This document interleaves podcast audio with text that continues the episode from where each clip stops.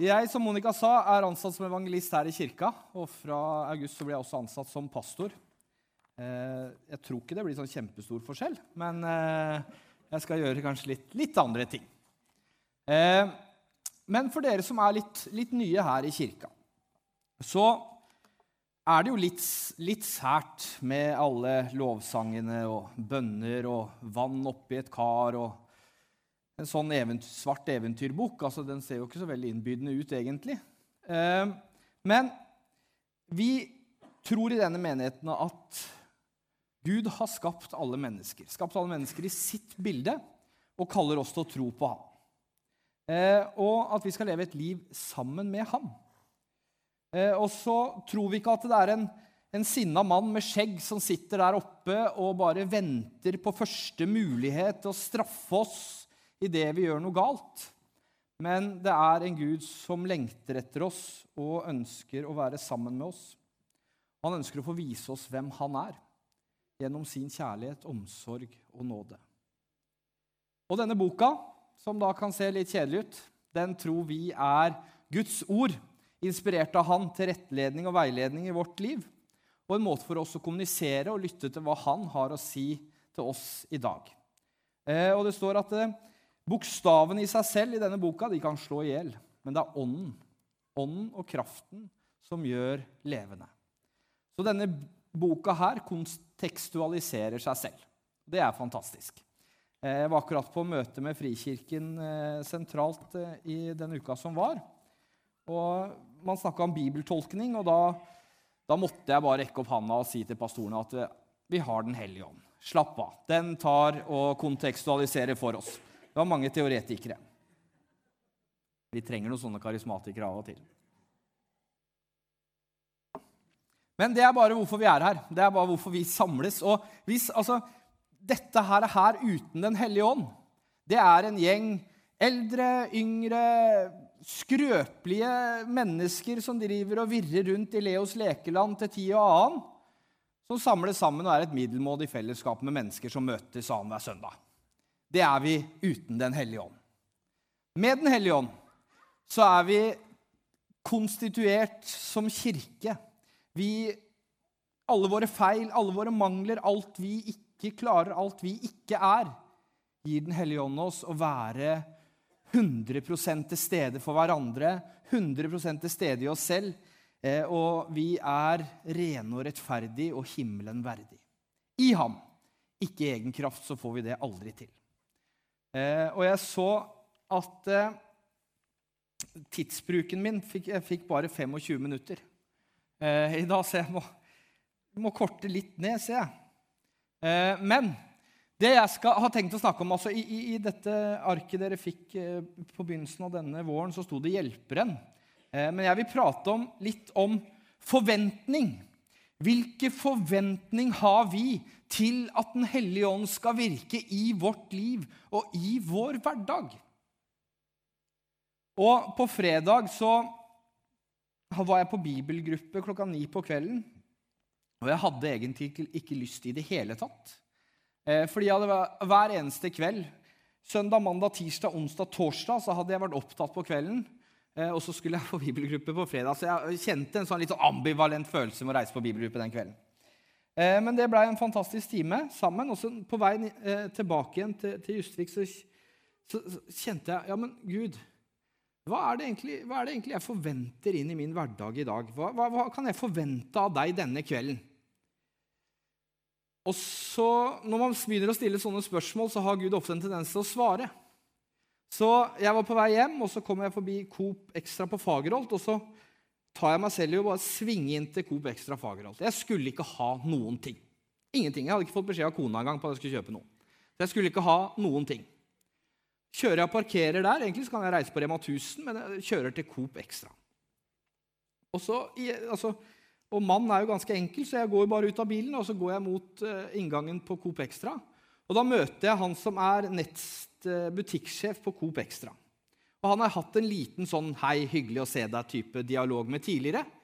Og så spør jeg 'hvordan har du det?' Og så sier han 'nei, det kunne vært bedre'. Og Han er ikke fra Sørlandet, ikke sant? for da hadde de sagt ja, det er greit. Eh, men han sa ja, det kunne vært bedre. Og så stiller jeg spørsmål ja, hvor, ja, hva er det som er, og så fortalte han litt om det. Og så sa jeg men vet du hva, kanskje du og jeg skal skape en relasjon. Kanskje du og jeg skal finne på litt ting framover. Eh, og bare legg meg til på Facebook. Jeg har en sånn pastor i en frikirke på Hånes. Og så gikk jeg ut av den butikken og så tenkte jeg, det var derfor jeg skulle være her. For han trengte å møte meg akkurat denne kvelden. Altså, Jeg aner ikke hvem han var. Og likevel, så, Nå er vi venner på Facebook, og nå skal vi begynne en relasjon. Så Den hellige ånd leder oss hvis vi har en forventning til at den skal gjøre det. Den hellige ånd leder oss hvis vi er villige til å se de tingene i vår hverdag som han legger til rette rett foran trynet på oss. Ja, ansiktet, da. Sånn. Pent. På, jeg glemmer det av og til. Men i dag er det pinse. Eh, og nå har vi selvfølgelig fått en fantastisk forståelse av hva pinse er. Eh, og det er jo ikke 2000 år siden, eh, Håvard. Det er 1990 ca., for vi tenker år 33. så vi har 13 år, til, 13 år til gode på det. så 1987 år. Bare sånn for å være helt spesifikk. men ja, altså, I dag prøver jeg å være evangelist, teolog og pastor samtidig. Så vi skal se om vi klarer å holde de rollene her sammen. Pinse er 50 dager etter første påskedag. Og første påskedag eh, så går det 40 dager, og så reiser Jesus til himmelen i Kristi himmelfart. Og så kommer da ti dager etterpå, så er vi på pinse. Derfor er det i dag. Og torsdag er alltid, Kristi himmelfart er alltid på en torsdag. Folk lurer litt på det. Så da vet dere hvorfor det. Eh, og Første påskedag så beviste Jesus at det han hadde sagt om at han skulle stå opp igjen, var sant. Altså Her har du da eh, tolv eh, menn, 70 mennesker, mennesker som hadde gått og surra rundt Jesus i tre år. Eh, hvor Jesus snakker om sin døde oppstandelse, han lærer de lignelser, han underviser for mange, mange tusen mennesker gjennom de tre åra som han går rundt her. Eh, og når Jesus dør og, og blir hengt på korset, så blir de veldig rådvillige. De blir kjemperedde, og de går inn, og så plutselig står Jesus foran dem. Han har gått gjennom veggen. Plutselig får de en forventning. Ok, det her, det her samstemmer med det han har sagt. Nå begynner vi å få en forventning til hva du skal gjøre. Og I de neste 40 dagene så går Jesus sammen med disiplene. Han viser seg for over 500 mennesker i Jerusalem og Galilea og omegn 500 forskjellige mennesker får se den oppstandende Jesus Kristus. Og det har vi en del skriftkilder på av utenombibelske kilder. Altså Man tenker jo ja, alt er bygd på denne. Nei, ikke alt er bygd på denne. Vi har også utenombibelske kilder som snakker om Jesus og alt det som skjer med den første kristne kirke. Og så I de 40 dagene så begynner Jesus å snakke om jeg må snart gå. Ja, men Herre, vi vil ikke at du skal reise. Ja, men jeg må gå for at jeg skal kunne sende dere, talsmann, kraften fra det høye. Så må jeg reise fra dere for å kunne sende den til dere. Og på eh, Kristi himmelfart så tar Jesus av gårde i skyen. Eh, og hadde, Jesus, hadde, du kommet til meg og fortalt det i dag, at jeg så en mann som ble tatt bort på en sky, så hadde jeg sagt det at vi har psykiatrisk institutt nede på Solvang som vi kan bare geleide deg ned til. Eh, for det, ikke, det samstemmer jo ikke med vårt eh, indoeuropeiske verdensbilde. Men så ser de da at Jesus blir tatt bort i skyen. Og fra han reiser bort der, så sier han til dem, gå, reis til Jerusalem og vent der inntil dere blir ikledd med kraft fra det høye.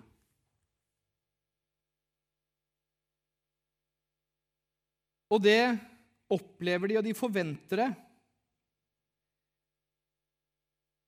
Og gjennom disse 40 dagene sammen med Jesus så, så skapes en forventning til det som skal skje.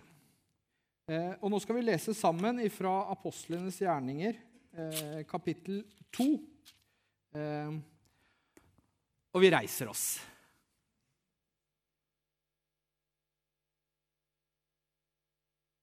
Da pinsedagen kom var alle samlet på ett sted. Plutselig lød det fra himmelen som når en kraftig vind blåser, og lyden fylte hele huset der hvor de satt. Tunger som av ild viste seg for dem og delte seg og satte seg på hver enkelt en av dem. Da ble de alle fylt av Den hellige ånd og de begynte å tale på andre språk etter som ånden ga dem å forkynne. Og I Jerusalem bodde det fromme jøder fra alle folkeslag under himmelen. En stor folkemengde stimlet sammen da de hørte denne lyden, og det ble stor forvirring, for hver enkelt hørte sitt eget morsmål bli talt. Forskrekket og forundret spurte de, er det ikke galileere, disse som taler? Hvordan kan da hver enkelt av oss høre på sitt eget morsmål? Vi er paretere med dere elamitter, folk som bor i Mesopotamia, Judea, Kappedokia, Pantos og Asia, Frygia og Pamfylia, i Egypt og i Libya-området, mot kyrinene. Innflyttere fra Roma, jøder og proselytter, kre kretere og arabere. Og vi hører dem alle tale om Guds storverk på vårt eget tungemål. De visste ikke hva de skulle tro, og forvirret spurte de hverandre, hva er dette for noe? Men noen gjorde narr av dem og sa de hadde drukket seg fulle på vin. Da steg Peter fram sammen med de elleve. Han hevet stemmen og talte til dem. Jødiske menn og alle dere som bor i Jerusalem, merk dere hva jeg sier, og lytt til mine ord. Disse menneskene er ikke fulle, slik dere tror. Det er jo bare den tredje time på dagen. Men det som her skjer, er det som er sagt gjennom profeten Joel. I de siste dager skal det skje, sier Gud, at jeg øser min ånd ut over alle mennesker. Deres sønner og døtre skal profetere, de unge skal se syn, og de gamle skal drømme drømmer. Slik lyder Herrens ord. Vær så god, sitt. Sant?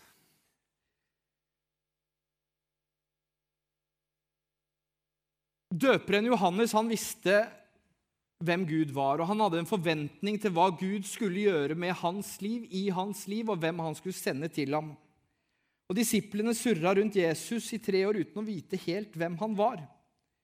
Men etter eh, himmelfarten så ble forventningen store, og dette ble bekreftet for dem på pinsedagen. De visste hva de skulle. Kraften fra det høye drev dem fremover og de visste hvem de var, og de gikk ut med stor frimodighet. Nå hadde jeg egentlig tenkt å gå igjennom hvordan Den hellige ånd viser seg i Det gamle testamentet, gjennom disse, eh, profeter, fremtidige Alle disse tingene. Eh, men det ser jeg at det, det går ikke. Så det tar vi på bibeltime. Eh, og er, vi, vi trenger noen bibeltimer av og til også. Men løftene som Jesus hadde gitt, kom i oppfyllelse. Og det var ikke sånn at det, det var en nordlending der som hørte om de taler om evangeliet på sin måte, eller en trønder som hørte at de prata om Jesus, eller en bergenser som uh, Byen er Bergen, og Jesus er her. sant? Det var ikke på den måten de hørte Den hellige ånd tale på sine morsmål. Det var på gresk, det var på arabisk, det var på egyptisk, det var på latin, det var på mange typer forskjellige språk som ikke jeg kan lære meg på 14 minutter. Eh, og det er det Den hellige ånd gjør. Den kontekstualiserer, den åpenbarer, den gir oss noe universelt. Eh, og Det er derfor også pinsedagen blir kalt kirkens bursdag, fordi at den konstituerer kirken. Altså Kirken begynner denne dagen på pinsedag for 1987 år siden. Eh, og Løftene som Jesus hadde gjort, kom i oppfyllelse, og plutselig sto de der, helt vanlige menn som hadde valgt å tro på Jesus og følge han. De ble fylt med kraft. Noen oversettelser sier at de ble ikledd kraft ifra det høye. De så sannheten, og den kjente Den hellige ånd komme over seg. Og de snakket språk, eh, og mennesker kom til erkjennelse av at Jesus var Messias, og Jesus var den personen som hadde kommet, og den de erfarte. Og I dag forbinder vi ofte Den hellige ånd med karismatiske pinsevenner og glemmer kanskje at denne pinsedagen er en pinsedag for alle sammen. Det er begynnelsen på endetiden. Det er ikke bare pinsevennene som har del i det, men det er også alle oss som tror på Jesus Kristus. Og Vi har Den hellige ånd iboende i oss, og vi kan gjøre større ting enn det Jesus gjorde.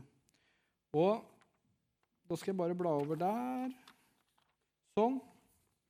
Og jeg, jeg holder på å skrive en master om Ja, amen. Jeg holder på å skrive en master om hvordan påvirker Betel-spiritualiteten en vanlig norsk folkekirkes eklosiologi på et lokalt plan.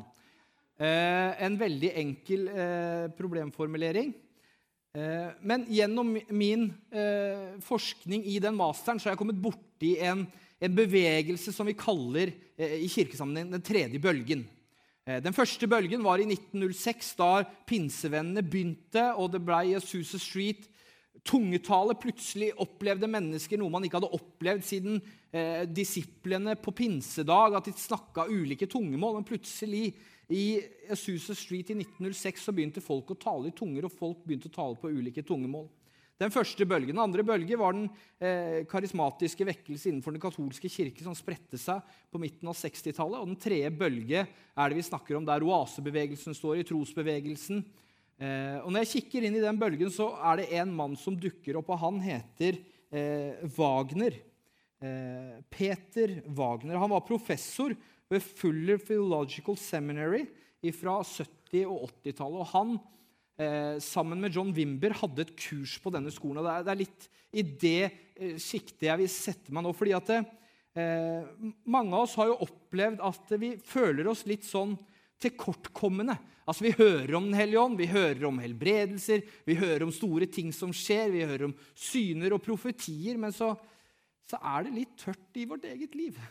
Det er liksom ikke helt Hvordan skal jeg på en måte gripe fatt i disse tingene? Eh, og, og, Det er her det blir litt utfordrende for oss. Men eh, må, jeg tror vi må tørre å strekke oss lite grann. Eh, og dette er da Peter Wagner som, som, som sier. Det er det å helt fullt tro på Den hellige ånd og virkelig stole på Han og ha en forventning til hva Han vil gjøre. Adlyde Han fullstendig. Overlate styringen til ham fullt og helt, uten forbehold. At løftene som Jesus ga disiplene, også gjelder oss. Og Han beskriver det som følger Peter Wagner. Gjennom min kamp har jeg kommet frem til at vi som kristne lever på fire forskjellige, forskjellige trinn i troen. Og troens første trinn, det er den frelsende tro. Til fangevokteren i Filippi så sier Paulus.: Tro på Herren Jesus Kristus, og du skal bli frelst. Dette er altså døren som gir adgang til Guds rike. Det er troen på Jesus som gir adgang til Guds rike. Og I en Luthers sammenheng så definerer vi dette som sola fide. Troen alene, en troen alene-forståelse. Og Den har veldig mange av oss erfart. Eh, og, og jeg, jeg, møter mange som, som, opplever at den troen er det er det de trives i. Det er godt å leve i den troen, og ære være de for det. Eh, mens det andre trinn er den helliggjørende tro. Og I vår vekst som kristne og i vårt liv så er det stadig mer av troens frukter som kommer til syne i dette trinnet av tro.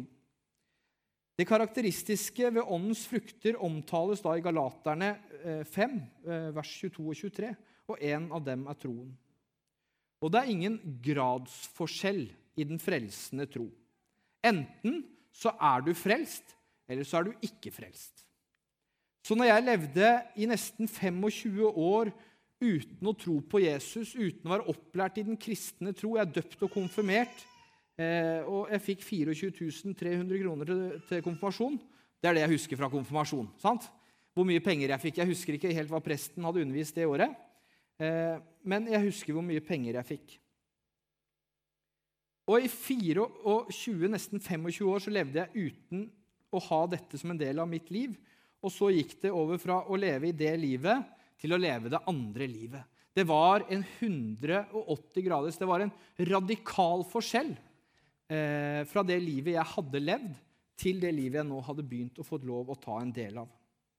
Eh, og jeg var på, eh, i samtale med Arne Tord Sveinal. Han er fra Modum Bad. Jeg måtte se om jeg var psykologisk kompetent til å være pastor i Frikirken, så de skulle sjekke meg om ikke jeg var psykiatrisk pasient. Eh, for jeg kan oppfattes litt gal noen ganger.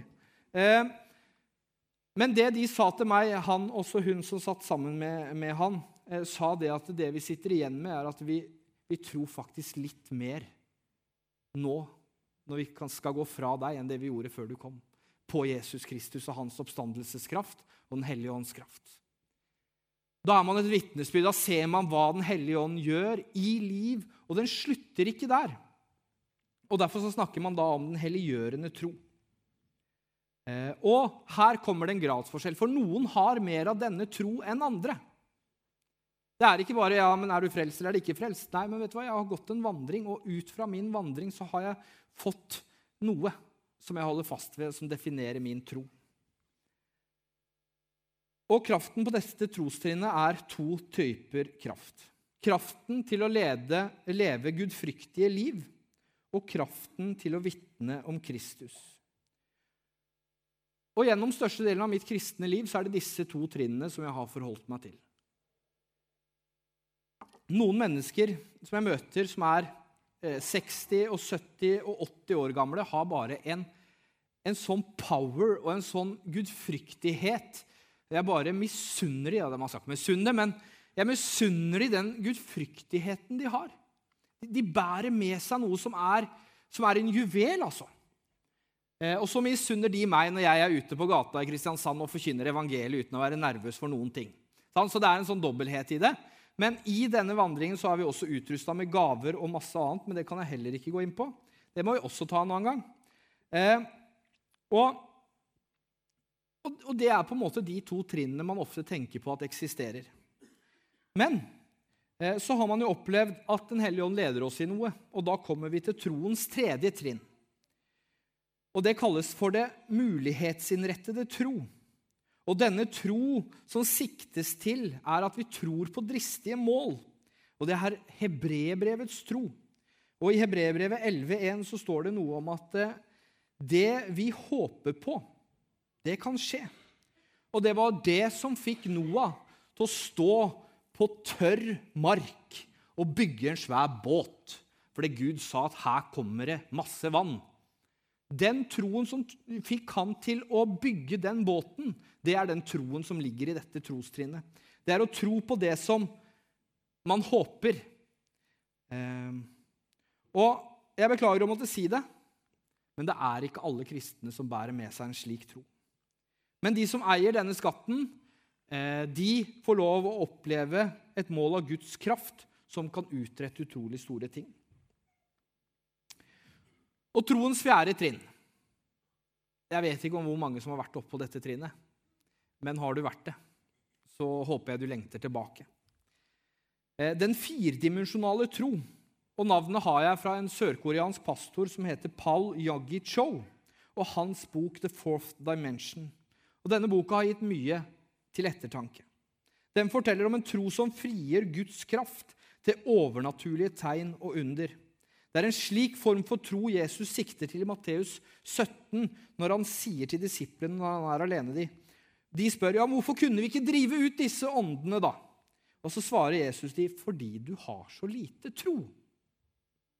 Sannelig, jeg sier dere, om dere har tro som et sennepsfrø, kan dere si til dette fjellet, flytt deg herfra og dit, og det skal flytte seg. Og ingenting skal være umulig for dere. Her er det klart at Jesus ikke snakker om den frelsende tro. Her er det klart at ikke Jesus snakker om den troen som sier ja, men jeg får lov å tilhøre Guds rike. Halleluja, amen. Nå skal jeg få lov å være en del av det resten av mitt liv. Men dette handler om noe som er på vei mot noe. Det er et en fremdrift og en kraft i det som ikke vi helt kan se for oss.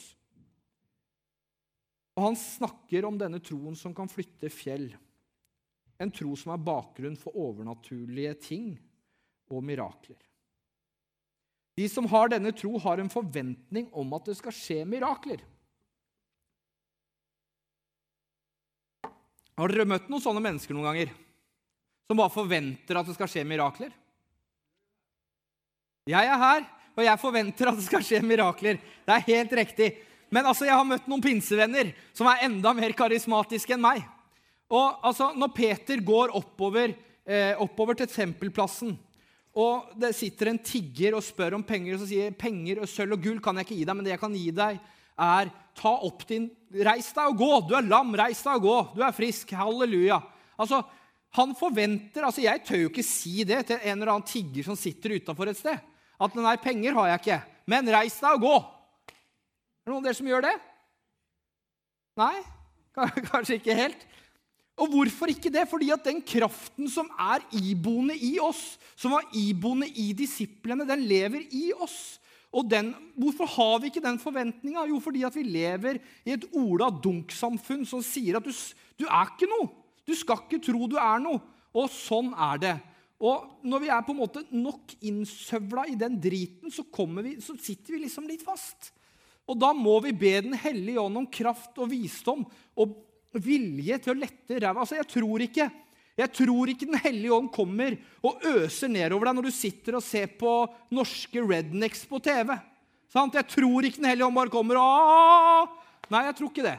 Jeg tror faktisk at vi må være i Ordet og i Han og forvente at Den hellige ånd skal gjøre noe i livene våre.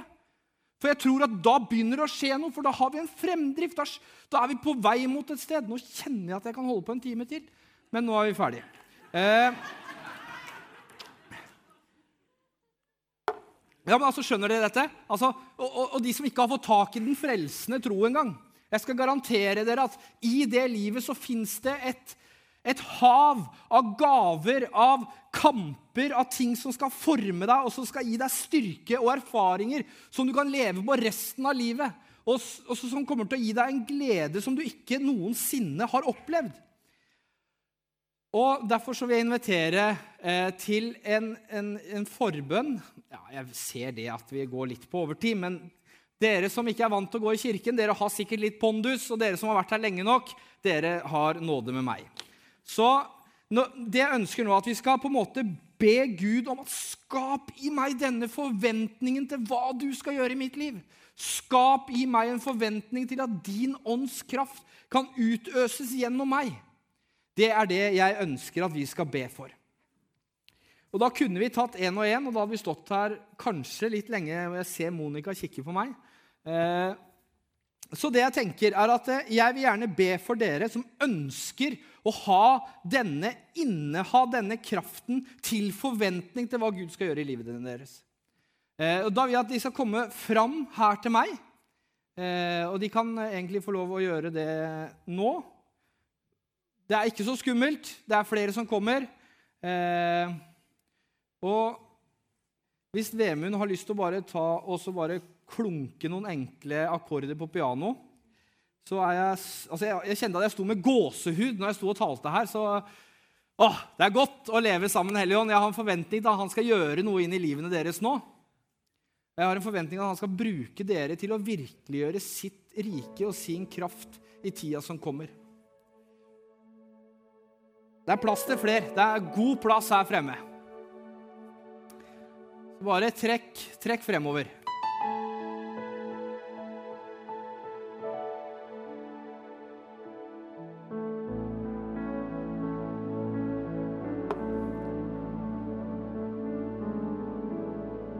Herre Jesus Kristus.